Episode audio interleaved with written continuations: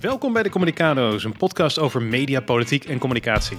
In deze aflevering gaan we het hebben over... De Oranje Zomer. Eindelijk heeft John de Mol een vervanger voor Johan Derksen. Dan een patroon van amateurisme bij Omroep Zwart. Plus, waarom domineren true crime podcasts de hitlijsten? Verder hoe politici falen bij het creëren van draagvlak voor grote maatregelen en hoe het wel moet. En is Sander Schimmelpenning hypocriet? Als je dit een leuke podcast vindt, vergeet niet op volgen te klikken en schrijf een recensie. Laten we snel beginnen, want ook deze keer hebben we weer een hele leuke show.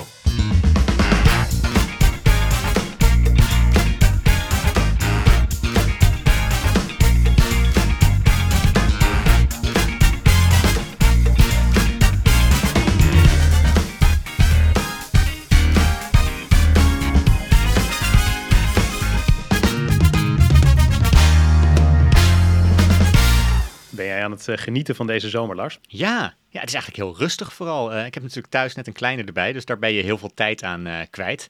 Ja. Het is ook leuk om daar heel veel tijd aan kwijt eh, te zijn, maar nee, ik heb het gevoel alsof er gewoon heel weinig gebeurt. Ik vind dit altijd het, eh, het fijnste moment van het jaar. Als iedereen op vakantie is en ik ben dan niet op vakantie en dan voelt het een soort extra tijd. De tijd staat even stil, er staat geen druk achter. Ik vind het heerlijk. Ja, ik vind het altijd zo opvallend dat je hebt altijd mensen die dan net in september op vakantie gaan. Dus daar heb ik altijd het gevoel van, van die zitten dan de hele zomer zitten die duimen te draaien. En op het moment dat Ja. iedereen weer aan de slag gaat, dan gaan zij op vakantie. Ja, ja, ja. Ja, ja, er zitten wel voordelen aan. Het is wel fijn om buiten het te doen. Het is ook een stuk goedkoper trouwens. Eh, maar goed, eh, inderdaad, als eh, werkgever voor jou kan het minder fijn zijn. De, er zijn ook niet zoveel talkshows om te kijken. Sterker nog, er is er maar één. En daar wil ik het wel even over hebben. Dat is de Oranje Zomer. Dat blijft echt ontzettend goed scoren. Afgelopen woensdag, als ik het goed zeg, had het zelfs bijna 900.000 kijkers. Dus dat is echt ongelooflijk veel. Ja. Dat komt gewoon in de buurt van de kijker, kijkcijfers van Vandaag in Site. Eh, dus dat is echt iets om trots op te zijn. Eh, John de Mol kwam ook zelfs langs. Hij was achter de schermen bij de uitzending van donderdag aanwezig. Nou, dat betekent toch dat de grote baas uit Laren is gekomen. Dat is naar Breda, waar eh, de Oranje Zomer wordt opgenomen. Dat is gewoon één uur met de auto heen, één uur met de auto terug. Dus de grote baas heeft twee uur in de auto gezeten om Helene Hendricks te steunen. Want dat was het doel daarvan. Hij wilde haar even laten zien dat hij eh, waardeert wat zij allemaal neerzet met dat programma. Ja, zal ze blij mee zijn, toch? Ja, dat denk ik ook inderdaad. Heeft hij dat ook ja. gedaan bij Marcel en Gijs, dat hij even langskwam? Nee, dat is volgens mij niet gebeurd. Marcel en Gijs hebben heel veel zitten klagen in een podcast eh, over het feit dat zij nog niet eh, eh, contact hadden gehad met John de Mol. Dat ze hem zelfs nog nooit hadden ontmoet. Eh, dus daar zie je wel een verschil. Het is misschien te verklaren door de kijkcijfers van Marcel en Gijs. Als je daar terug gaat kijken, ja, dat is het toch rond de 500.000. Dat is toch wel echt aanzienlijk lager dan de Oranje Zomer. Ik denk eigenlijk wel dat je moet constateren dat dat programma, als je er zo op terugkijkt, toch echt wel een aanzienlijk minder goede opvulling is om programma af te wisselen van vandaag in site dan de Oranje Zomer. Ik denk dat het echt fantastisch eh, doet. Ja. Heb je een verklaring voor het feit dat het programma het zo goed doet? Want je hebt ook wel kritiek gehad op Helene Hendricks met name. Hè? Je vond dat ze toch wat Ja. ongemakkelijk overkwam die eerste week. Zeker in het begin inderdaad. Ja, die eerste week, dat was met de Eus als eh, tafelgast, als de inval Johan Derksen. Nou, dat, daar was gewoon geen eh, chemie mee. Maar ja, deze week met Jack van Gelder was er echt hele goede chemie. Dat werkte echt fantastisch. Ik dacht van tevoren dat het echt verschrikkelijk gaat zijn. Ik dacht, de twee slechtste weken gaan zijn met Rutger Kastrikum en met Jack van Gelder. En dat zijn gewoon de beste weken van dat hele programma. Ik vond het echt ook weer geweldig om naar te kijken. En dat komt omdat Helene en Jack een chemie hebben die een beetje lijkt op die van een vader en een dochter. Zij zit constant plaagstootjes uit te delen, waar hij dan soms een beetje als een soort van oude brombeer op reageert. Op een gegeven moment zei zij van, hey Jack, heb je een wegtrekker toen die even stil was? Nou, hij was oprecht gewoon een beetje eh, Geïrriteerd. ja, verontwaardigd, geïrriteerd inderdaad daarover. Had moeite om dat te verbergen, maar ging daar uiteindelijk ook wel weer op een leuke manier mee om. Eh, dus dat maakt dat wel echt eh, heel erg sterk. Dus die chemie is echt heel erg goed. Verder, Jack van Gelder is degene die qua profiel ook het meest op Johan Derksen lijkt. Want het is natuurlijk ook iemand die wat meer in de rechtspopulistische hoek zit. Het is iemand die vrij dominant is, vrij aanwezig is aan tafel. Nou, dat is Johan Derksen zeker ook. Het is iemand die veel humor heeft. En het is iemand die ook wel echt een gevoelsmens is. Op een gegeven moment vroeg Jack van Gelder een soort van applaus voor een ex-voetballer die tegenwoordig in de zorg werkt en daar fantastisch werk doet. Dus dat was wel echt heel erg mooi om dat eh, te zien. Dus dat werkte echt heel goed met eh, Jack van Gelder. Oké, dus eh, hij mag blijven of hoe gaat het dan? Ja, nou ja, ik, ga, ik heb ze in het begin de cijfers gegeven. Ik heb Eus een 5 gegeven. Ik heb Rutger Kastrikum een 8 gegeven. Ik ga hier zelfs overheen, Lars. Ik ga zomaar Jack van Gelder een 9 geven als de inval Johan Derksen van uh, afgelopen week. Dus een, een 9 krijgt hij als eindcijfer. Dus dat is uh, hartstikke mooi. Er zijn de twee die we nog niet hebben beoordeeld. Dat zijn Fidan Ekis en Juri Mulder. Ja, dat vond ik allemaal maar een beetje mwah, mwah, mwah, hakken over de sloot. Ik geef het een 6. Uh, Fidan Ekis, ben fan van haar, maar ze is meer geschikt om naast Johan Derksen te zitten in plaats van op zijn stoel. En Juri Mulder, het ging veel te veel over voetbal. Dus vandaar dat zij beide een zesje krijgen. Ja, en toch even de advocaat van de duivel, want Jack van Gelder, ja, die is in het verleden is hij natuurlijk uh, op een gegeven moment gedumpt door Ziggo Sport, omdat hij te radicaal was op, uh, op Twitter. Hij is natuurlijk negatief in het nieuws gekomen rondom de NOS, omdat hij uh, presentatoren vroeg of ze bij hem in bad wilden komen zitten. Jonge, vrouwelijke presentatoren vroeg hij, vroeg hij dat. Is hij nou gerehabiliteerd of zo? Wat, wat is hiermee? Zeg jij dat hij gedumpt is uh, bij Ziggo Sport omdat hij uh, uh, te radicaal was op Twitter? Dat heb ik wel begrepen, ja. Van ja? mensen die het kunnen weten. Ja, ja echt waar? Ja, dus dat op een gegeven moment heb, moet je natuurlijk denken, hij zat bij Ziggo Sport en zij waren natuurlijk heel erg bezig met hun merk. En je wil een boegbeeld hebben, en hij was absoluut een boegbeeld van Ziggo Sport, Zeker. dat niet jouw merk beschadigt. En of je nou links of rechts is, er was elke keer wat te doen met Jack van Gelder. En dat, dat wil je niet hebben als boegbeeld. Ja, nou, ik weet het niet, maar inderdaad, oké. Oké, en dat vind ik best wel heftig, dat wist ik eerlijk gezegd niet. Hm. Maar uh, NOS natuurlijk ook. Hè? Dus hij is. Uh, uh... het NOS sportonderzoek, dat hebben we natuurlijk ook besproken. En dat, dat is natuurlijk zeker een ding. Hij had op een gegeven moment een presentatrice in bad gevraagd. dat was een van de dingen die hem werd verweten. Ja. ja. Maar ik kan me voorstellen dat Tom Egbers nu kijkt en denkt van. Huh? hij zit nog steeds thuis. klopt. Ik denk dat dit het voordeel is van bij SBS aan de slag kunnen. ja, ik, ik, denk inderdaad dat ze daar bij SBS anders tegenaan kijken dan bij de NOS. Dat is denk ik de enige verklaring hiervoor. ik heb het verder ook niet. Het, het voelt alsof heel heel veel van de dingen die gebeuren naar aanleiding van grensoverschrijdend gedrag, dat daar een hele grote mate van willekeur in zit. Want ja, nogmaals, ik kan het echt niet verklaren waarom uh, Tom Egbers thuis zit en Jack van Gelder weer aan het werk is. Ik heb geen idee. Maar er was weinig ophef over deze week. Tenminste, ik heb er weinig van over gezien op de sociale media bijvoorbeeld. Uh, mensen lijken te accepteren dat hij weer terug is. Ja, dan was misschien toch ook die vlucht naar voren van Jack van Gelder, die we eerder ook besproken hebben in de podcast, een, een strategie die, die voor hem in ieder geval gewerkt heeft. Het zou kunnen. Ja, het zou kunnen. Ja. Ik denk in ieder geval dat uh, hij uh, best wel een uh, grote kanshebber is om de vaste vervanger te worden voor Johan Derksen. er komt een druk jaar aan. Volgende zomer komt er ook heel veel sport aan. Eigenlijk wat Helene en Jack hebben bewezen is dat zij een bijna volwaardige vervanger kunnen neerzetten voor Vandaag is Site. En dat zou je bijvoorbeeld in de wintermaanden kunnen programmeren, zodat het, het, gebruikelijke Vandaag in Site trio even op vakantie kan gaan, zodat als ze in de zomer wel doorgaan, dat ze nog wel genoeg rust kunnen nemen. Je zou ook kunnen bedenken dat ze bijvoorbeeld op zondagavond een soort van zondag Insight neerzetten. Om dat te concurreren met uh, Umberto of Renze op zondag op RTL 4. Uh, ik denk dat dat echt uh, heel goed zou werken. dit zijn duidelijk mensen die gewoon echt ontzettend veel chemie met elkaar hebben. En dat aangevuld met de andere vaste gasten van Vandaag Insight. Dat werkt eigenlijk hartstikke goed. Ja, iemand die daar waarschijnlijk dan sowieso terug gaat komen is Raymond Mens. Ja, ja het werd uh, ook in uh, deze week in Oranje Zomer gezegd. Uh, hij heeft inderdaad een, een contract getekend. Of tenminste, het, gaat, het is zo goed als klaar. Er zijn enkele details die nog geregeld moeten worden. Ik heb hem ook even op de app erover gehad. het gaat wel goed komen, maar de handtekening is nog niet gezet. En, en, inderdaad, hij gaat bij Vandaag in Site gewoon op vaste basis daar Amerika duiden. ik denk dat hij ook bij andere Talpa-programma's gaat aanschuiven. En ook Talpa Radio, daar gaat hij over de Amerikaanse politiek praten. Ja. Gaat hij voortaan door het leven als Raymond 2 ton mens? Uh, ik heb geen idee. Ik heb hem uiteraard gevraagd, want uh, ik wilde ook wel weten van uh, hoeveel daarvoor stond. Ja, dat wilde hij niet zeggen. Ik begrijp ook wel dat hij niets wil zeggen over zijn salaris. Ik denk dat hij een goede deal heeft gekregen. Laat ik het daarop houden. ik denk ook dat ze bij Talpa waarschijnlijk wel blij zijn dat hij er niet al te veel over zegt. Want ik denk dat hij echt een goede deal heeft gekregen. Maar ik denk ook dat als hij gaat zeggen hoeveel hij verdient, dat er een risico is dat allerlei andere mensen gaan zeggen van, oh, als jij dat krijgt, dan wil ik ook dat.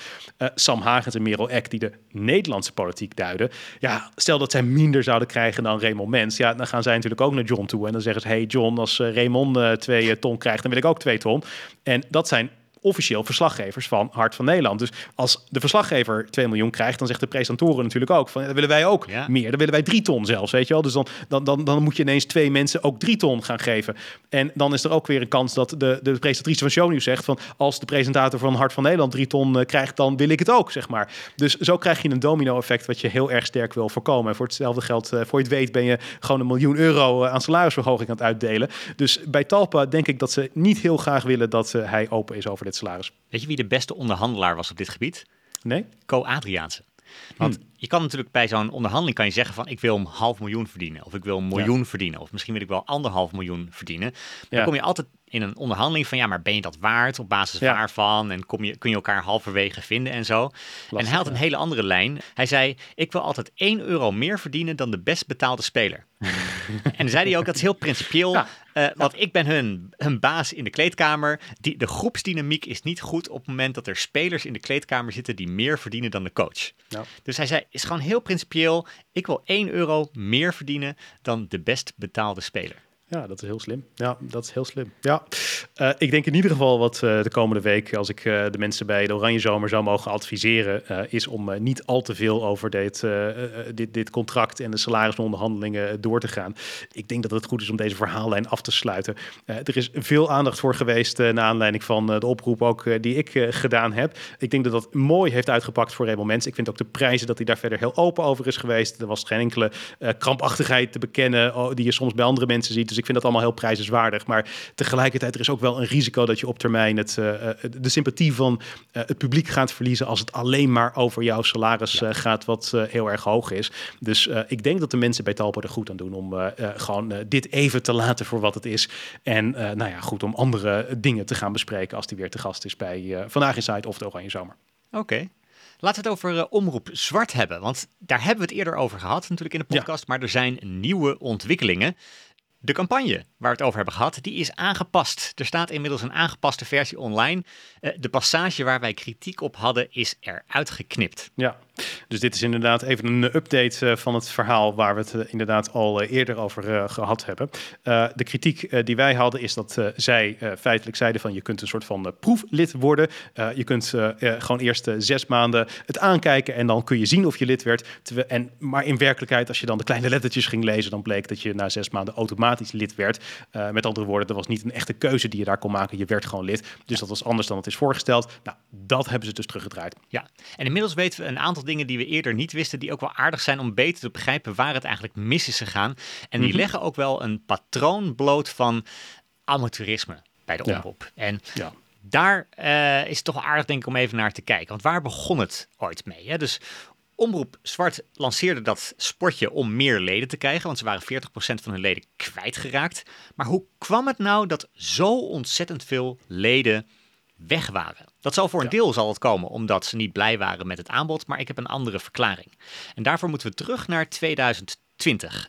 Omroep Zwart had minimaal 50.000 leden nodig om in het bestel te komen als aspirantlid. En ik ben in de internetarchieven gedoken en gekeken hoe mensen lid konden worden van Omroep Zwart.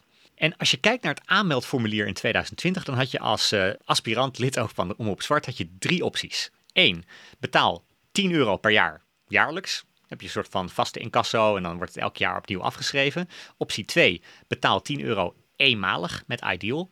En optie 3, betaal 10 euro eenmalig met je creditcard.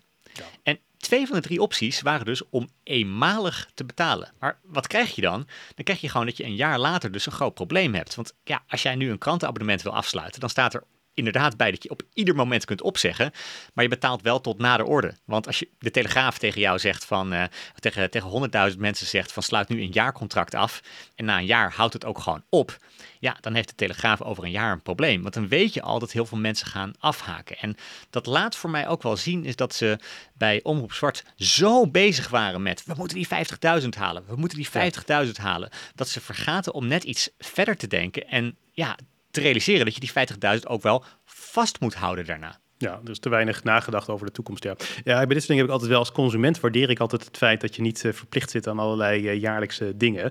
Uh, ik ben zelf ook altijd heel terughoudend met allerlei jaarlijkse incasso's of maandelijkse ja. incasso's te accepteren. ik vind het zelf ook wel belangrijk om een keuze te hebben. Maar ik snap wel wat je zegt. Het is natuurlijk als je omroep zwart bent en als je vanuit hun belang meedenkt, het is niet de meest verstandige optie. Nee, nee. En daardoor moesten ze nu dus tienduizenden euro's uitgeven aan een campagnespotje om die leden weer terug te halen. Dus ja, dat kostte wel heel veel extra geld nu. Nou, dat filmpje ging op 5 juli online. Uh, drie weken geleden bekritiseerden we in onze podcast dus die, uh, dat spotje met je automatisch lid werd. Nou, vervolgens, op basis van onze podcast, heeft het commissariaat van de media uh, aangegeven dat de campagne waarschijnlijk in strijd is met de wet. Ze namen contact op met Omroep Zwart. Nou, Omroep Zwart heeft zelf geen jurist. ze hebben zeven FTE volgens hun jaarverslag. Maar ze hebben een samenwerkingsovereenkomst met BNN-Vara. Dus de jurist van BNN-Vara die keek ernaar en zei haal de video offline. Ja. Sowieso vind ik het wel interessant om te zien hoe dit soort uh, dingen werken. Want er was in het verleden ook heel veel kritiek op dat elke omroep zijn eigen secretaresses had, zijn eigen financiële mensen, zijn eigen juristen, noem het allemaal maar op. En nu wordt er dus meer samengewerkt tussen omroepen. Dus een kleine omroep heeft inderdaad niet meer zijn eigen jurist. Die halen ze bij BNN-Varen vandaan. Ja, waarbij de grap dus is dat ze die al een tijdje hebben, maar dat ze die jurist dus niet vooraf al naar het spotje hadden laten kijken. Want dat had natuurlijk ook wel problemen voorkomen als ze vooraf even een jurist naar het spotje hadden laten kijken. Ja, zeker ja. Maar, nou ja, het ging verder. Je ziet op een gegeven moment gebeuren, ook later, dat, dat ze hebben nieuwe programma's. Die, daar willen ze media-aandacht voor creëren. En een van die programma's is de Afhaal Chinees. En ze hebben een, een PR-bureau ingehuurd, Hagens PR, om positieve media-aandacht te genereren voor die documentaire reeks. En nou, die was dus druk bezig om media te benaderen. Noemde in sommig mailcontact ook expliciet die campagne van Omroep Zwart. Maar Omroep Zwart had haar eigen PR-bureau niet verteld dat er een groot juridisch probleem speelde rondom deze campagne. En op basis van de uitnodiging van Hagens PR pakte nu.nl groot uit met een artikel met vijf alinea's over de campagne, die op het moment dat het artikel werd gepubliceerd al niet eens meer online stond. En dan denk ik ook, oh, dit is zo amateuristisch. Van hoe, hoe kan je nou ook een PR-bureau vragen om jouw belangen te behartigen als wanneer je dus grote juridische problemen hebt met zo'n campagne, je ze dat niet vertelt. Exact. En dat uh, nu.nl dus niet echt zelfstandig onderzoek hier doet, vind ik ook niet dat ik denk van, uh, nou, nou jongens, uh, goed gedaan daar met nee. z'n allen. Nee, wat ik begrijp is dat het interview al twee weken eerder had plaatsgevonden. En dat er in de tussentijd heel veel was gebeurd ja, dan ja, moet je toch een beetje volgen, denk ik, van, nou ja, als, als op een gegeven moment duidelijk wordt dat er ook, ja, ook wij hebben er wat over gezegd natuurlijk, anderen hebben dat overgenomen ook. Let even op, hè? dus dat, dat is jouw taak als journalist. Ja, nee, ja. dat ben ik helemaal met je eens, ja. ja. ja. Ook daarna bleek overigens dat dat uh, PR-bureau, wat overigens wel gewoon echt goed benaderbaar was. Dus uh, complimenten voor het PR-bureau, die, uh, die, die namen direct op en wilden ons te woord staan. Het is ook wel een taak van een PR-bureau. Ja. Als het PR-bureau al niet meer aan het terugmailen is, dan hebben ze wel echt een heel grappig nee, maar daarvoor hadden we tien keer gemaild naar pr.omroepzwart.nl. Ze reageerden en niet. Ze, ze, hebben er gereageerd. Dat was een teaser voor straks. Ze hebben gereageerd, dames, ja. hebben, dames en heren. We hebben eindelijk een reactie. Maar goed, daar komen we zo op. Ga door met je verhaal. Maar wat ook grappig was, op een gegeven moment zag ik dus dat die campagne aangepast werd. Want ze waren echt bezig met de, de, de campagne aanpassen op basis van de adviezen van de jurist kennelijk. En hoe, hoe ja. kon ik dat zien? Ze hadden de pagina waar die aanpassingen steeds werden toegepast, hadden ze al online gezet, maar niet vindbaar via, via het menu of zo. Dus waarschijnlijk dachten ze, dat kan niemand zien. Nou, ik heb gewoon in de zoekfunctie van de site zelf, heb ik gezocht naar termen die te maken hadden met dat lidmaatschap. En toen vond ik dus een pagina die ja, nog niet eens voor anderen zichtbaar was. En ik kon gewoon echt meekijken live met wat ze aan het doen waren. en op een gegeven moment zei ik ook tegen dat uh, PR-bureau van ja, dit en dit hebben ze al aangepast. En dat, dat was voor hen totaal nieuw. Dat, dat, wisten ze, dat wisten ze niet. Dus ook daar uh, allemaal een tikkeltje amateuristisch. Ja. Maar goed, de jurist van BNN-Varen heeft ernaar gekeken en adviseerde uiteindelijk om onze kritiek ter harte te nemen, de campagne drastisch aan te passen en te zorgen dat de, het sportje niet langer de wet overtreedt. Afgelopen vrijdagmiddag verscheen de aangepaste video online en het is misschien toch wel even leuk om het verschil te laten horen. Ja, ik moest wel lachen om dit uh, verschil. Uh, hier, hier, komt de originele versie. Laten we daar eerst even een luisteren fragment daarvan. We hebben een primeur, speciaal voor jou. Het eerst zien, dan geloven lidmaatschap. Word lid van Zwart zonder te betalen. Betaal pas als je erin gelooft. Als je gelooft, net als wij, dat we verschillen moeten vieren. Word lid, vandaag nog. Voor niks. Ja, word lid van voor niks. Aquasi. Ja, ja, de stem van Aquasi, inderdaad. Dan de aangepaste versie? Yes. We hebben een primeur, speciaal voor jou. Het eerst zien, dan geloven vriendschap. Word vriend van Zwart, zonder te betalen. Nee. Volgens mij heeft hij gewoon op zijn, op zijn iPhone heeft hij, uh, heeft hij een vervangende voice-over opgenomen. Het is gewoon een heel groot verschil qua geluidskwaliteit. Hier nog even een keer. We hebben een primeur, speciaal voor jou. Het eerst zien, dan geloven vriendschap. Word vriend van Zwart, zonder te betalen. Oh, wat ongelooflijk gênant eigenlijk dit. Ja, ja, Hele dus, lage productiewaarde. Dus dit is een, dit is een, een campagne waarschijnlijk van tienduizenden euro's. en dan zit dit erin. Ja, ja, het filmpje zag er op zich gelikt uit inderdaad. Ja, ja, ja. oké. Okay. Ja. Maar uh, het belangrijkste wat is aangepast, en dat, dat, gaat, dat gaat ook in op onze kritiek. Je bent niet langer lid, maar vriend. Ja. En je krijgt na zes maanden krijg je een, uh, een mailtje waarin je zelf kan kiezen of je lid wil worden. En dan pas ga je, ga je betalen. Ja, dus even resumerend. We hebben het hier nu eh, voor de derde keer eh, over. Dus eh, wat we hiermee nu hebben bereikt is inderdaad, het is geen uh, proeflid meer, maar je bent een proefvriend. En er is een actieve handeling voordat jouw proefvriendschap wordt overgezet naar een officieel lidmaatschap. Ja, en vrijdag om half vijf kwam ineens antwoord van Omroep Zwart. En nou, we daar hadden inderdaad echt veel mails gestuurd. Dus we zaten erop te wachten. Dus we waren heel blij dat ze daar uh, kwamen. Uh, Letice Brown, dat was ook degene die we vorige week uh, genoemd hebben, die heeft geantwoord. wat heeft ze verteld, Dars? Ja, nou, een, een, paar dingen. Eén, ze zei, wat zij zagen is dat leden vonden dat ze nog niet zichtbaar genoeg waren en teleurgesteld waren. Daarom kwamen ze dus met deze campagne. Dat is ook wat quasi letterlijk zegt in dat spotje. Ja, precies. Twee, er is een bevestiging van haar ook dat het commissariaat voor de media er moeite mee had en dat de campagne is aangepast. Daar zit een beetje een spin van haar kant eh, in, want mijn vraag was: klopt het dat de ledenwervingscampagne in strijd is met de mediawet? Haar antwoord: nee. De ledenwervingscampagne voldoet nu aan de regels van de mediawet. Toen dacht ik, ja, dat is dus een toegeven dat hij dat daarvoor niet deed. Ehm, wat ze wel bevestigt is dat de mensen die eerder uh, proeflid zijn geworden, nu niet automatisch lid worden, maar een mail krijgen waarbij ze expliciet moeten bevestigen dat ze ook lid willen worden. Dat ze betalend lid gaan worden. Dus nou, dank voor die bevestiging. Uh, hiermee helder volgens mij. En uh, nou ja, op basis van de podcast is een grote campagne van een omroep offline gehaald, aangepast omdat hij misleidend was. Dat is nu rechtgezet. Nou ja, precies, exact. Maar ik bedoel, de, de mediawet is niet voor niks. Hè. Het is wel belangrijk dat omroepen zich eraan uh, houden. Dus wat dat betreft is het goed dat zij dat nu ook doen. Ja. Eén ding nog. Ja? Nu.nl heeft dus dinsdag een groot artikel gepubliceerd over deze campagne. Vijf alinea's erover. Ik heb ze erop gewezen dat er echt feitelijk onjuistheden in, uh, in zitten. Nou ja, het is nu zaterdag en ze hebben het nog steeds niet gerectificeerd. En dat vind ik toch wel heel slordig. En het straalt ook negatief af op het merk nu.nl. Zeker, ja. Nee, en ik bedoel, ja, het, zelfs als het nu aan wordt gepast, uh, de, hoeveelheid mensen die dat zullen lezen, die zal waarschijnlijk heel erg klein zijn. Want uh, voorheen stond de, de voorpagina gelinkt. dus wat dat betreft denk ik inderdaad dat het zeer laat is en waarschijnlijk niet zoveel meer gaat uitmaken. Niet goed voor nu.nl. Hm. Ehm, true crime podcasts, die zijn verschrikkelijk populair. Is het een genre waar jij graag naar luistert eigenlijk, Lars? Nee. Nee, het is niet mijn ding. Maar dat is ook, omdat ik heb hiervoor ook niet boeken gelezen, zeg maar, in het genre. Dus... Nee, ik ook niet zo, nee. Nee, nee, nee, nee, exact. Dat heb ik ook een beetje. Nee, ze zijn wel echt, als je naar de hitlijsten gaat kijken, zie je echt dat ze die totaal uh, domineren. Uh, de, de populairste podcast in Nederland is op dit moment die van NRC. Dat is de podcast Gereden Twijfel, waarin de Maastrichtse martelmoord, uh, zoals ze dat noemen, wordt onderzocht, of eigenlijk heronderzocht. Maar het zijn er heel veel. ze hebben allemaal van die hele spannende titels, die baantje-achtige titels, zoals de, de Butlermoord en de Showbiz-moord. Dat waren ook uh, populaire titels. Ja, sowieso een alliteratie natuurlijk, hè? de Maastrichtse martelmoord. Ja, ja, klopt, ja. Ja, ja precies. En uh, nou ja, het zijn ook vaak evergreens. Uh, en dat betekent dat je ze over drie jaar nog kan luisteren, want het is vaak een zaak uit het verleden. ze zijn duurder om te produceren dan bijvoorbeeld een chatcast. Dat is het genre waar wij natuurlijk in zitten. het is vaak heel veel uitzoekwerk en het moet allemaal mooi vormgegeven worden. Maar het is iets waar je eigenlijk nog ja, heel erg lang naar kan luisteren. Het heeft niet zijn actualiteitswaarde verloren. Uh, podcast waarin het verhaal van een waargebeurd misdrijf uh, centraal staat uh, en uitgediept wordt, die hebben vaak twee kenmerken. ze gaan vaak heel erg in op de motieven van de dader die worden blootgelegd. Waarom doet hij dit nou? Hè? Dat is eigenlijk de centrale vraag ook. En uiteindelijk is het altijd zo dat de good guys winnen omdat ze gewoon slimmer zijn en ze beter naar de zaak kijken. Dus eigenlijk is het altijd een verhaal waar het goede het slechte overwint. Ja, dat vind ik ook wel interessant. Dus eigenlijk is belangrijker nog waarom die dader het gedaan heeft dan wat hij precies heeft gedaan. Ja, vaak wel.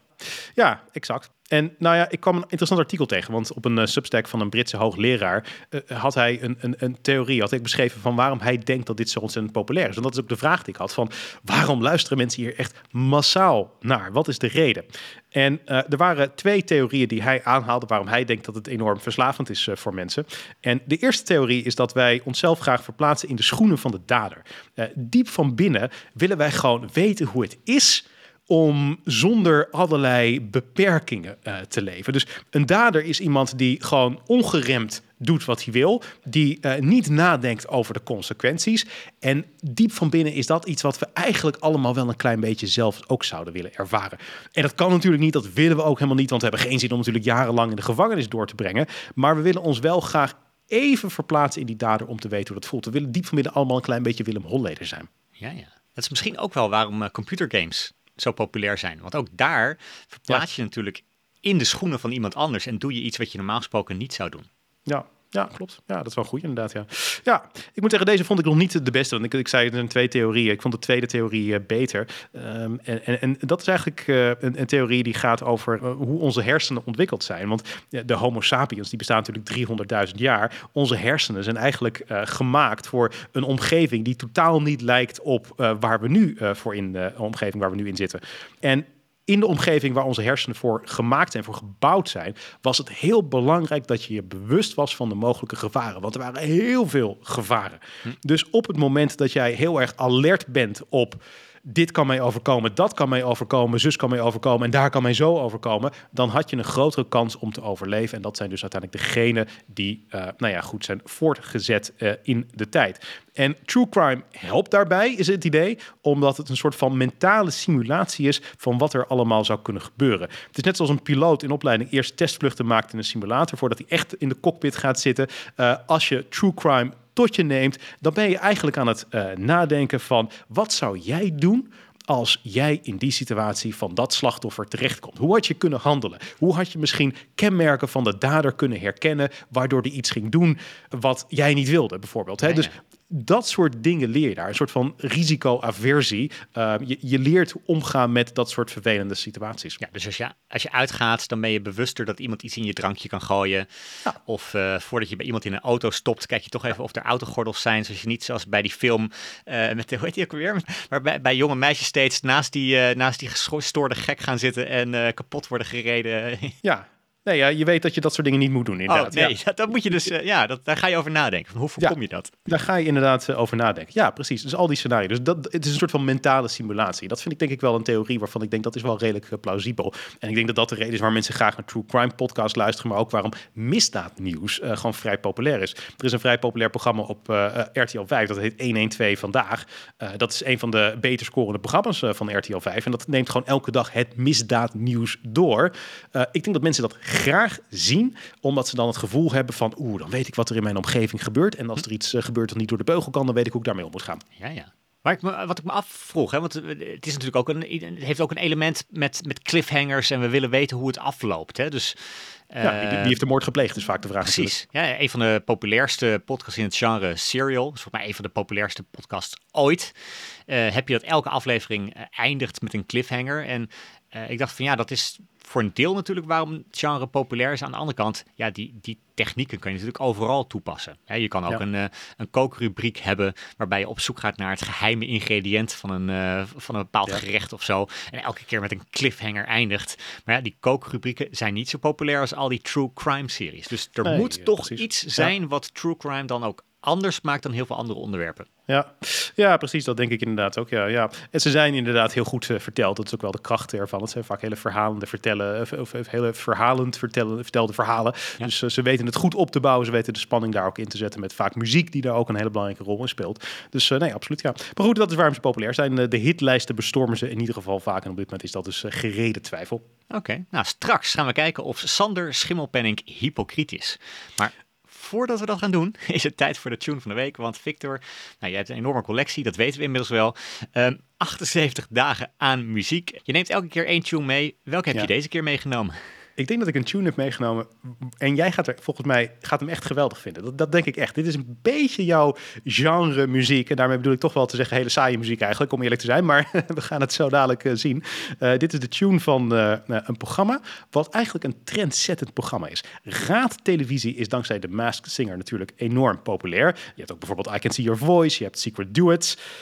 Maar wat is nou het oorspronkelijke raadprogramma? Dat is Wie van de drie. Sinds 1963 is dat al te zien op de Nederlandse televisie. Uh, oorspronkelijk was het bij de AVRO te zien. Later was het ook bij RTL 4 te zien. Bij Omroep Max. En tegenwoordig is het zelfs bij SBS te zien. Bijna in al die jaren heeft het één en dezelfde tune gehad.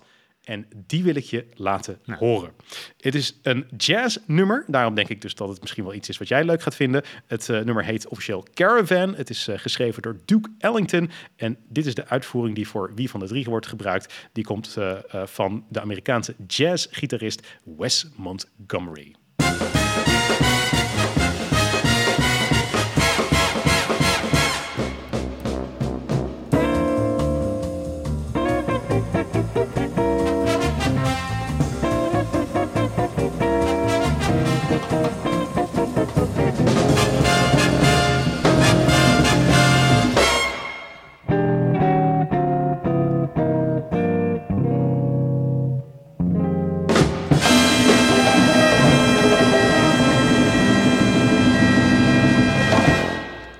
Ook.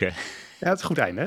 Ja, ik vind het wel meer jaren 60 dit dan, uh, dan, dan iets wat je nu zou gebruiken. Ja, hij wordt zelfs voor de Talpa-versie nog uh, gebruikt. John de Mol uh, verandert vaak de vormgeving van programma's en heeft alles aan de vormgeving veranderd. De tune, er is een lichte remix die, daar, die ervan heeft gemaakt, maar de tune is wel in stand gehouden. Het is, het is echt een tune die bij dit programma hoort en past. Ja, en als je dit dus de rest van de zondag wil luisteren, dan moet je op zoek gaan naar Caravan. Ja, van inderdaad Wes Montgomery. Hij staat op Spotify. Oké. Dan uh, wil ik het heel graag hebben over politici die structureel falen als ze draagvlak willen creëren voor grote maatregelen. En eigenlijk ook bespreken hoe het dan wel kan en hoe het beter moet. Want het is echt wel een dingetje op dit moment. Klimaat, stikstof, woningmarkt, uh, zorg. Uh, ik, ik, las uh, afgelopen week dat nou ja, niet alleen de kosten exploderen, dat, dat wist ik al, maar dat in 2050 één op de drie Nederlanders in de zorg zou moeten werken, tenzij we echt dingen radicaal anders gaan doen. Nou, dan weet je één ding, er zijn grote maatregelen nodig en voor die grote maatregelen is ook wel draagvlak nodig. En de vraag is eigenlijk van hoe krijg je dat uh, draagvlak daarvoor? Want je ziet vaak dat experts zeggen van we moeten met z'n dit doen. Maar daar is weerstand tegen. Dus de vraag eigenlijk uh, die jij opwerpt is van hoe kun je dat draagvlak verkrijgen als je een politicus bent? Ja, zeker. Want je ziet natuurlijk ook in praktijk, wat je nu heel vaak ziet, is dat er heel vaak juist uit een soort van angst dingen dan maar niet gedaan worden. Hè? De politiek die durfde 30 jaar lang zijn vingers niet te branden aan stikstofbeleid.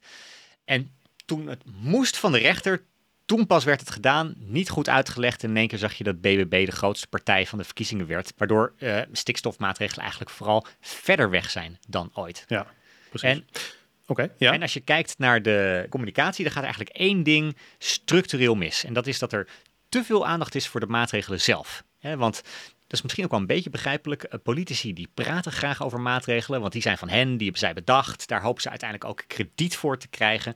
Maar uh, die maatregelen zijn uiteindelijk niet hetgene waar mensen enthousiast van worden. Er is niemand die een persconferentie kijkt van, uh, van uh, Mark Rutte over het stikstofbeleid. Hij zegt van nou, dit zijn de maatregelen die nodig zijn. Dat iedereen denkt, yes, eindelijk, hier worden we enthousiast van. Hè? Dus de maatregelen zelf, ja, dat zijn vaak ook helemaal niet de leukste dingen en de, uh, om, om te communiceren. Dus Mensen willen weten dat het werkt, maar ze hoeven niet te weten hoe het werkt en dat soort dingen. Er is een Amerikaanse gezegde, if you're explaining, you're losing. Uh, En dat uh, geldt hier ook wel een beetje uh, op. Daar ben ik het echt wel uh, over eens inderdaad. kijk, je zag bijvoorbeeld tijdens de coronacrisis dat we hmm. heel veel grote maatregelen nodig hadden. Hè? Winkels die moesten dicht, we moesten thuiswerken, we mochten s'avonds niet meer ons huis uit. Er was een grote vaccinatiecampagne. En in die tijd had het RVM ook een gedragsunit met gedragswetenschappers die hele concrete adviezen gaven over hoe je draagvlak krijgt voor ingrijpende maatregelen.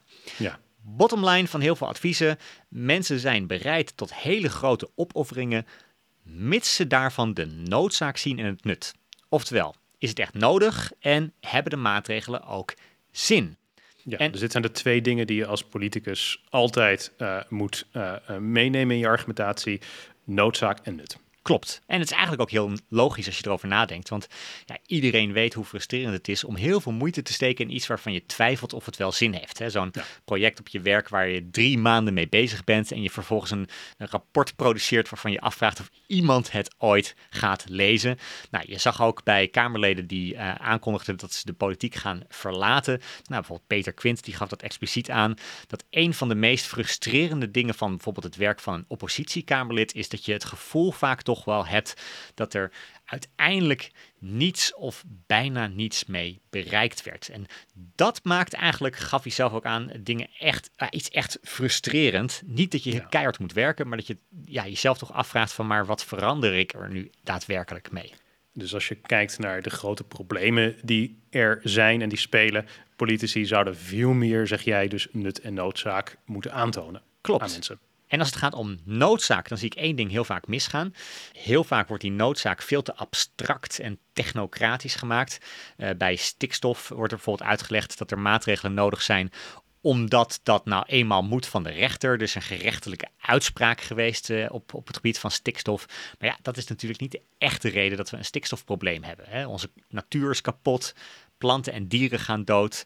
Het is altijd dat, heel opportunistisch. Dat ik, ja. Het altijd verschrikkelijk als politici zeggen, wat moet van de rechter? Dan denk ik altijd van, nou, uh, je wilde dit al voordat het moest van de rechter. Beargumenteer dat dan. Precies, en leg dat uit. En dat zie je bijvoorbeeld ook bij klimaat. Dat, ja, dan wordt gezegd door een politicus dat volgens modellen de aarde veel warmer wordt in het jaar 2100 en we de opwarming in dat jaar met x graden willen beperken. Ja, dat is natuurlijk niet iets waar de gemiddelde Nederlander ook echt warm of koud van wordt. Ja, misschien opwarming van de aarde natuurlijk wel, maar uh, zo krijg je geen... geval wel. zo krijg je geen... maar figuurlijk niet. Nee. Ja, zo krijg je geen draagvlak voor, uh, voor beleid. Dus daar zie ik bij de noodzaak zie ik het fout gaan. Maar het belangrijkste is eigenlijk dat het nut van een maatregel nooit wordt uitgelegd. Want Zelfs als je bij stikstof bijvoorbeeld ja, ook wel ziet dat er een probleem is, dan wil je iets wel weten van hebben de maatregelen die genomen worden, hebben die wel zin? Wordt de situatie in de natuur daadwerkelijk beter van deze maatregelen? En bij klimaat zie je precies hetzelfde. Uh, ik denk dat heel veel mensen zich ook wel begrijpelijk afvragen van ja, zelfs als je voor klimaatmaatregelen bent, dan wil je wel weten van, maar zetten deze maatregelen wel zoden aan de dijk? Of, of doen we ze eigenlijk vooral om, omdat we daarmee een beter gevoel krijgen over onszelf? Van kijk mij eens, kijk ons eens het klimaat serieus nemen. En Nut is misschien wel het belangrijkste wat mensen moeten weten. Zeker omdat daar vaak bij tegenstanders van beleid uh, aanvallen op plaatsvinden. Hè. Als je kijkt naar klimaatbeleid, dan zie je bijvoorbeeld dat Thierry Baudet het steeds heeft over uh, 0,00036 graden opwarming die voorkomen wordt met een uh, klimaatpakket bijvoorbeeld. Ja, ik dacht, ja, ik zag een maand geleden op nu.nl zag ik een, een artikel waar, waarin werd uitgelegd dat wereldwijd klimaatbeleid in tien jaar tijd al een graad opwarming heeft voorkomen. Hm. Dan denk ik, waarom las ik dat alleen op nu.nl? waarom werd dat niet breder gecommuniceerd? Als je nou mensen echt het gevoel wil geven dat klimaatbeleid zin heeft, dan moet je niet steeds alleen maar doembeelden presenteren. Maar dan moet je mensen ook vertellen dat de maatregelen die we bijvoorbeeld tien jaar geleden hebben genomen, misschien niet altijd genoeg waren, maar wel al heel veel effect hebben gehad. Het is interessant inderdaad. Ik denk wel dat dat uh, mensen motiveert. Uh, we weten altijd precies uh, wat we hebben opgeofferd. Hè? We weten wat we mislopen. Daar hebben we vaak een heel concreet gevoel en een heel concreet beeld van. Maar we weten niet precies het effect. Want je weet niet hoe de wereld er zou hebben uitgezien ja. als die maatregel niet is genomen. En hierbij speel je daarop in. Je zegt eigenlijk van dit zou er zijn gebeurd als we deze maatregel niet hadden genomen. Klopt. Ja, en dat, dat geldt ook voor andere argumenten. Van, kijk, tegenstanders van klimaatbeleid die zeggen dan bijvoorbeeld van China die opent elke week twee nieuwe kolencentrales. Nou, negeer dat niet. Ga er inhoudelijk op in. Want ja, het klopt dat de energiebehoefte in China echt werkelijk explodeert. Het land verandert gewoon echt heel erg snel. Maar het beeld dat alleen het Westen bezig zou zijn met klimaatbeleid, dat, dat klopt gewoon echt niet. Als je, als je kijkt nu op dit moment in China, anno 2023, produceert China meer energie met zonnepanelen dan de rest van de wereld bij elkaar. China bouwde de laatste jaren meer windparken dan de rest van de wereld bij elkaar. Dus ja, het heeft nut als ook wij meer doen aan duurzaamheid, net als China zou ik bijna, uh, bijna zeggen. En dat is het verhaal wat niet wordt, uh, wordt verteld. Ik zie dan mensen heel vaak een uitvlucht zoeken in een grotere focus op voordelen. Die zeggen bijvoorbeeld, ja, maar deze investeringen in duurzaamheid die leiden ook tot meer banen. Die maken ons als land competitiever. Het isoleren van je huis zorgt ook voor een lagere energierekening. Ik zeg ja, dat klopt allemaal, maar bijkomende voordelen zijn nooit een substituut voor de essentie van je argumentatie, namelijk dat de maatregelen nodig zijn en nut hebben. Ja, precies. Ja, interessant. Ja. Ik zie dit intuïtief wel. Ik zie ook eigenlijk hoe het zou kunnen werken als je gewoon op je werk een voorstel in een vergadering aan collega's moet presenteren. Uh, noodzaak en nut zijn eigenlijk de twee dingen die je ook dan moet beargumenteren. Ja, waarom moeten we het doen? En dan leg vooral ook uit waarom niet alleen het nodig is voor, voor jou persoonlijk, of waarom er een, een, een frustratie speelt bij jou persoonlijk, maar waarom het voor het bedrijf ook noodzakelijk is. Ja, dus precies, precies. Heel veel mensen beargumenteren dingen vanuit een persoonlijke frustratie. Dan denk ik van ja, maar daarmee krijg je geen draagvlak. Want dan moeten we eigenlijk allemaal heel veel geld en moeite steken in iets waar vooral jij last van hebt. Nee, dit, dit, dit snappen denk ik inderdaad. Ja. Jij bent de afgelopen tijd ook bezig geweest uh, met uh, de knip. Uh, daar is bij jou, nou laten we zeggen, enige frustratie over te merken. Ja. En to be fair, jij zat natuurlijk ook in, in een deel van Amsterdam waar jij ontzettend veel overlast daarvan ondervond, want het verkeer werd allemaal door jouw straat uh, geleid. Ja. Uh, als je kijkt naar de communicatie daar, dat heb je ongetwijfeld gedaan, zie je dat daar ook slecht wordt gecommuniceerd en dat ze daar beter noodzaak en nut hadden, moeten, hadden kunnen communiceren? Ja, nee, absoluut. Kijk, hè, bij de knip in Amsterdam zag je dat eigenlijk nog nut, nog noodzaak werd uitgelegd. En ja, zelden heb ik zo'n communicatieve clusterfuck gezien als rondom de knip in, uh, in, in Amsterdam. Want ze moesten steeds uh, um, spoeddebatten voeren over, over de nadelen van de knip. Bijvoorbeeld hier in de, in de Kattenburgerstraat, waar 400 bewoners de straat hebben geblokkeerd. En het verhaal was steeds, ja, er is overlast, maar dat is het waard, want we verzamelen straks gegevens. En dat was eigenlijk het nut van zes weken overlast. Hè. We, verzamelen zo data. Laten we allemaal midden op het altaar van dataverzameling. hoe is dat nou motiverend? Het is heel ambtelijk inderdaad. Ja, verschrikkelijk. Ja, en als ik het even plat sla, dan is eigenlijk een boodschap gewoon van... sorry, beste kattenburgers, jullie hebben permanente file voor de deur. Mensen die afhankelijk waren van mantelzorg of aanvullend openbaar vervoer... die raakten zes weken lang geïsoleerd, werden in de steek gelaten. De bus werd geschrapt. Uh, mensen met astma die moesten hun medicatie verdubbelen. Maar het leverde dus wel data, op. en dan denk ik, ja, als je zo graag meer data wil verzamelen, ga lekker bij Google werken of zo. Maar dit, is natuurlijk nooit het verhaal waarmee je echt draagvlak krijgt voor een ingrijpende maatregel in een stad. Exact, dat hadden ze dus beter kunnen doen. Uh, nogmaals, noodzaak en nut, dat zijn de twee dingen die je moet uh, beargumenteren. Ja, zeker. Oké. Okay. Sander Schimmel ben ik dan. Jij vindt hem hypocriet volgens mij. Ja, klopt wel. Uh, het is natuurlijk een uh, succesvolle columnist. Uh, misschien ook wel de succesvolste columnist van dit moment. hij voelt zijn publiek goed aan. Hij weet dat ook heel goed onder woorden te brengen. Dat, dat doet hij echt ongelooflijk goed.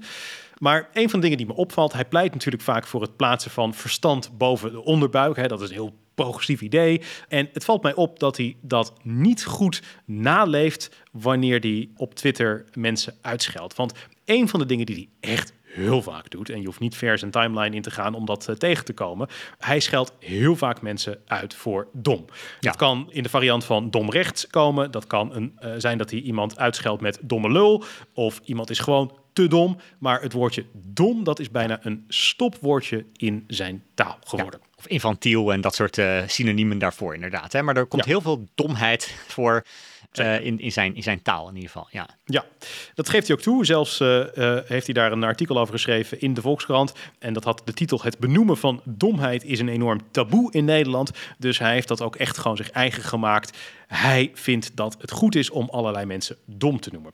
En ik vraag me dus af, en dit is de reden waarom ik uh, me afvraag of dit niet heel erg hypocriet is. Want hij maakt een heel groot probleem van discriminatie en racisme. Hij vindt uiteraard dat dat niet kan. Nou, dat ben ik helemaal met hem eens. je mag niet mensen afrekenen op een etniciteit of op een seksuele geaardheid of op een geslacht, omdat ze daar geen controle over hebben. Niemand bepaalt zijn eigen geslacht, niemand bepaalt zijn eigen etniciteit. Dus als je daar mensen op afrekent, dan reken je ze af op iets waar ze niks aan kunnen doen. Dat is niet fair. Dat is de gedachte erachter. Ja. Maar dan denk ik bij mezelf, dat gaat toch ook op voor een IQ? Daar kan je toch ook helemaal niks aan doen. Uh, je bent ofwel gezegend met een hoog IQ of een laag IQ of daar iets tussen. Maar dat is voor het grootste deel genetisch bepaald. Het is zo dat je onderwijs kunt volgen. Daar stijgt je IQ inderdaad ietsje door. Dat is ook waar. Maar in beperkte mate. Hè. Je komt altijd tegen genetische beperking aan te lopen. Iemand met een IQ van 80 zal nooit professor worden. Dat is gewoon niet mogelijk. En dan vraag ik me af, als je constant mensen aan het uitschelden bent voor uh, dom, terwijl je racisme een groot probleem vindt, dan denk ik bij mezelf, dat is niet consequent. Mensen, uh, we zouden uh, racisme op dezelfde manier moeten behandelen als het uitschelden van mensen met dom. Het is beide unfair. Want jij zegt zeker iemand die zich voorstaat op zijn progressieve waarden, die zou niet aan dit soort intelligentie-shaming moeten doen, omdat mensen niets eraan kunnen doen soms dat ze dom zijn. Nee. Ik vind het heel hypocriet om, om heel erg veel te geven om racisme. Maar inderdaad, uh, gewoon aan de lopende band iedereen maar dom te noemen. Ja, nee, dat, dat vind ik inderdaad niet kunnen. Ja, als jouw betoog is van je moet mensen niet willen vernederen op basis van lage intelligentie. Dan denk ik ja, helemaal mee eens. Want ja, ik heb zelf een broertje met een IQ van waarschijnlijk zo'n 55. Hè. Heeft het syndroom van Down. Eerder besproken in de, in de podcast. Het zou bizar zijn om hem te shamen op basis van de intelligentie waar hij mee geboren is. En ik denk ook overigens echt ook in, in ons maatschappelijk verkeer dat er te weinig uh, aandacht is voor gevallen waar we onbewust mensen ja, eigenlijk toch wel ja, wegzetten. Hè? Je hebt, je hebt, het een, uh, je hebt uh, hoogopgeleide en laagopgeleide. Je creëert direct een hiërarchie waarbij mensen die een theoretische opleiding hebben kennelijk beter zijn dan de mensen met een praktische opleiding. Hè? Er wordt gesproken over mensen aan de onderkant van de samenleving. Hè? Dan, dan hebben we het niet over de Einsteins en universitair gescholden. Hè? Dus, nee. dus we kijken echt neer op bepaalde mensen. En toch ben ik het niet met je eens.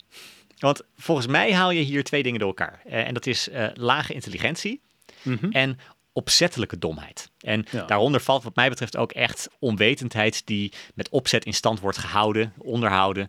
Ik denk dat alle fatsoenlijke mensen natuurlijk meeleven met mensen die een lage intelligentie hebben, maar mm -hmm. weinig geduld hebben met mensen die dom zijn of onwetend, omdat ze dat willen zijn. En ik, ik zie ja. juist ook in de reactie van Sander Schimmelpen, ik zie dat hij, dat hij heel veel op dat soort mensen reageert. Mensen die een artikel ja. niet hebben gelezen of iets zeggen wat gewoon echt feitelijk onjuist is, omdat ze niet eens moeite hebben gedaan om uh, zich te verdiepen in hoe het zit. Ja, als je, als je mensen die dat hebben aanvalt, ja, dan val je hen niet aan op IQ, maar op zettelijke domheid. Ja, dan zou je ook kunnen zeggen van je bent gewoon onwetend of je kiest ervoor, je bent bewust onwetend. Uh, dat, dat, dat, dat zou kunnen en dat, dat zou dan kennelijk een uh, inhoudelijk sterkere kritiek zijn. Kijk, mijn probleem met uh, het schelden met dom is dat het stigmatiserend werkt. Want we accepteren ook niet dat er gescholden wordt, zoals vroeger wel het geval was met homo bijvoorbeeld. Hè? Dat, dat kwam in de jaren negentig nog, nog echt heel veel voor. Vinden we volstrekt onacceptabel. Uh, iemand uitschelden met jood vinden we ook niet meer acceptabel.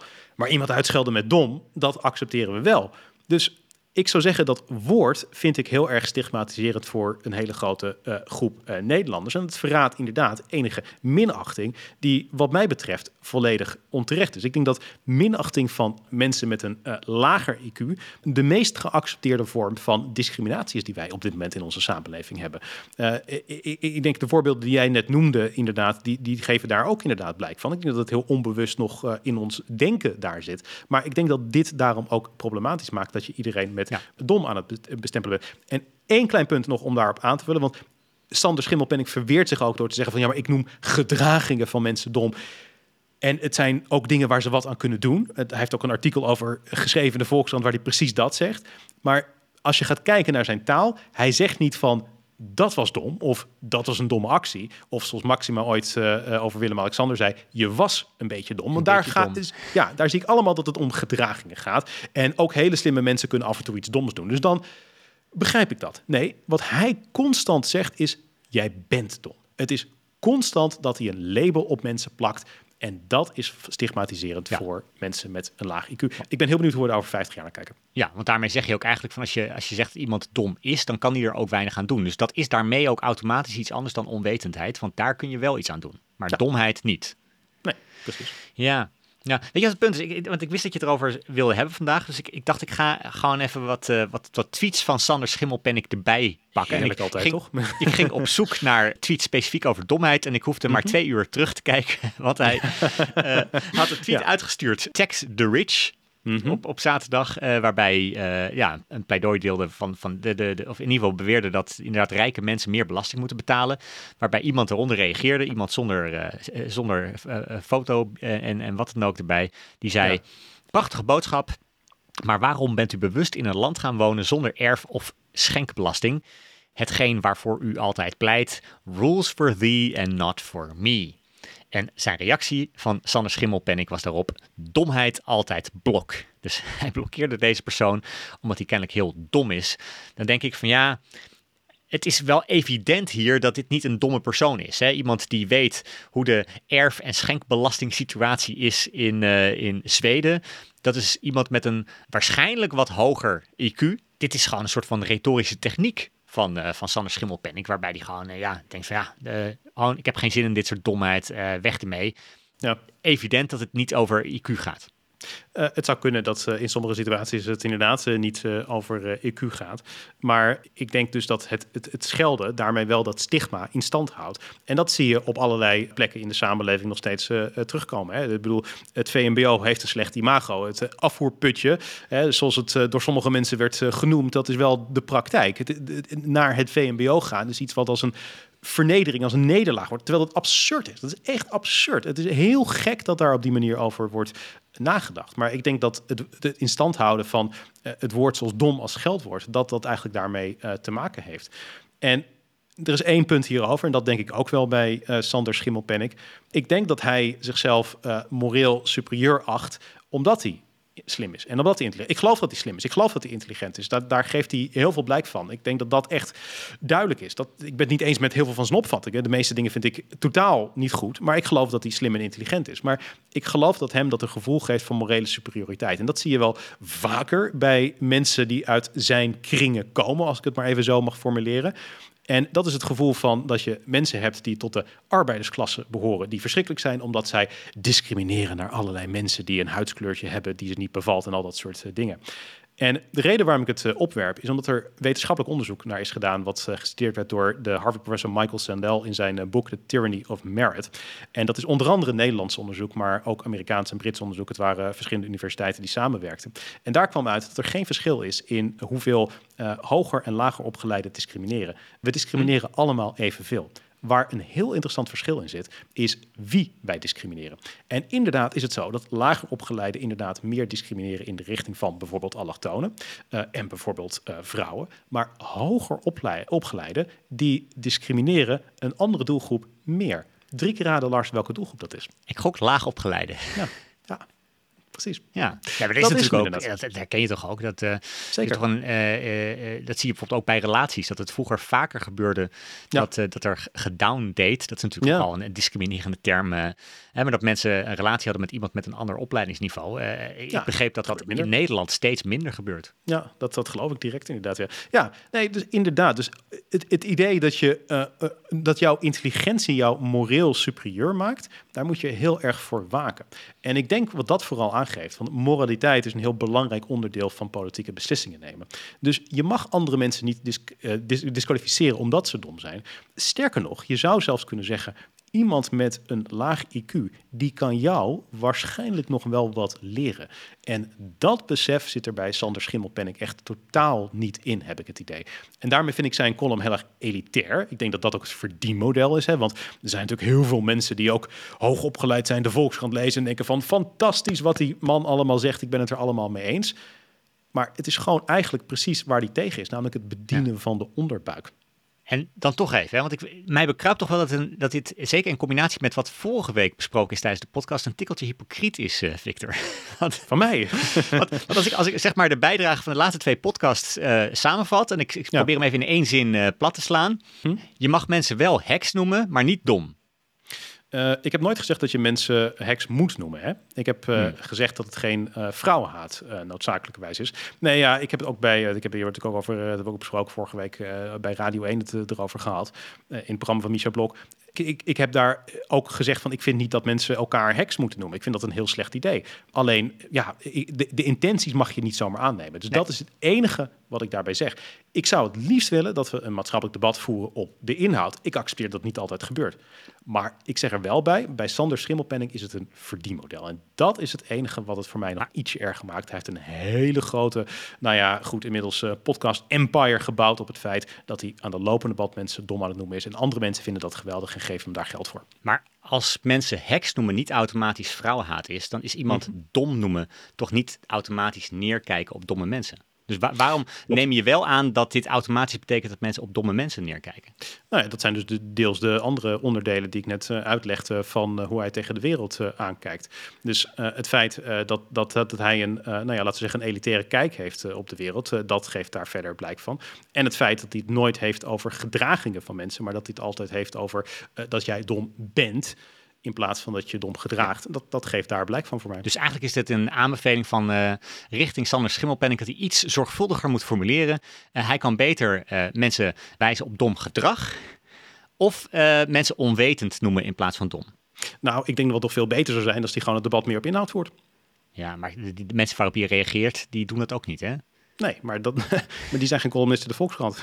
Nee, uh, ik bedoel, hallo, uh, je mag toch wel uh, aan een hogere maatstaf gehouden worden. Ja. Ik, ik, denk dat dat al iemand met een voorbeeldfunctie dat daar meer van gevraagd mag worden. Ik, ik, reageer überhaupt niet op dat soort reacties vaak. Nee, ik ook niet. Van, nee. Ik, ik, ga echt, ik, heel vaak heb ik als vuistregel op Twitter, ik reageer één keer en dan is het klaar. Ja. Of heel vaak überhaupt niet. Maar eh, eindeloze discussies met iemand, het, nee. Hm. Ik, ik, zie het ook niet zitten. Maar goed, oké. Dat is in ieder geval uh, dat. Laten we dan doorgaan met de, de rubriek Vraag het Fik en Lars. dat is de rubriek waarin we elke week één vraag van een luisteraar beantwoorden. In deze onzekere tijden zijn we jouw bron van wijsheid gratis en voor niks. Je kunt ons een vraag stellen door een mailtje te sturen naar vraaghetfikenlars.gmail.com. Dat mag een vraag zijn om advies, om onze mening of iets persoonlijks en zelfs impertinents. Deze, de vraag van deze week die komt van Theo. Hij schrijft, beste Vic en Lars, waarom steken radiopresentatoren altijd hun vinger op als er tijdens de uitzending een fragment wordt afgespeeld? Tegenwoordig hebben bijna alle programma's een videostream en het ziet er een beetje gek uit als je daarnaar kijkt. Goed, Theo. ik, vind het, ik vind het wel een leuke vraag. Want het valt mij inderdaad ook altijd op dat ja, ze zijn continu een vinger echt in de lucht aan het steken, alsof ze naar de wc moeten, zeg maar. dus het... ja, dat zit er niet achter, inderdaad. Nee, maar waarom doen ze dat? Uh, het heeft te maken met uh, het uh, instarten van fragmentjes en het scherp krijgen van de timing. Dus televisiepresentatoren die kunnen dat uiteraard niet doen. Maar dat als zij naar een fragmentje toe praten, dan zie je dat ze altijd iets zeggen in de trant van even kijken. en dat geeft dan de regie de gelegenheid om het fragmentje in te starten. soms zie je dat ze niet eventjes kijken zeggen en dat ze heel opzichtig naar de afkijkmonitor gaan kijken. Ja? Om ook aan de regie duidelijk te maken dat ze het fragment kunnen instarten. Maar radiopresentatoren die hebben het voordeel dat ze in ieder geval voor de luisteraar niet uh, te zien zijn. En die geven dan inderdaad een teken met hun vinger, waardoor de regie weet, dit zijn de laatste woorden. Het fragment kan direct daarna worden ingestart. Ja, ja, dat je niet zo'n ongelukkige pauze hebt net. Dat hij net een seconde te laat start. Dat je, of, of net een seconde te vroeg start, terwijl iemand nog aan het praten is. Ja, precies. De timing kan uh, heel scherp zijn inderdaad. Ja, ja, ja zo had ik hem nog niet. Want ik, ik, wist wel dat ze inderdaad willen dat een fragment wordt gestart. Maar eigenlijk op het moment dat een vinger eigenlijk op, op, maximaal omhoog is, ja. Dat is het moment dat het fragment ingestart moet worden. Ja, het is, uh, meestal is het ook dat er een soort van draai aangegeven wordt, inderdaad. Uh, ja. Dus uh, ja, maar inderdaad, dat, dat is het. Het is natuurlijk een samenspel tussen de presentator en de regisseur die aan de andere kant van het glas zit en die dat dan allemaal ziet gebeuren. Okay. Maar goed, dat is inderdaad de reden. Dankjewel voor je vraag, Theo. Vraag het gmail.com is het adres waar ook jij jouw vraag naartoe kunt sturen. Tot zover deze aflevering van de Communicado's. Volgende week, heel belangrijk, zijn we er namelijk een weekje niet. Ik ga er inderdaad even een paar dagjes uh, tussenuit. Maar daarna zijn we natuurlijk weer op volle kracht terug, toch Lars? Ja, zeker. Ja, ik blijf gewoon hier, maar jij gaat uh, drie dagen naar de bossen ergens. Ja, ik ga ergens lekker in de bos uh, zitten. Uh, mocht je ons echt ontzettend veel missen, op 15 augustus komt Veronica Super Guide uit met een interview met ons. Dus als je echt niet zonder kan, ren naar de winkel en koop dat fantastische blad. want nogmaals, wij staan er dus in. Goed, vond je het een leuke aflevering? Klik dan op volgen en schrijf direct een recensie op Apple Podcast. Ik wens je een hele fijne big. Hoi hoi.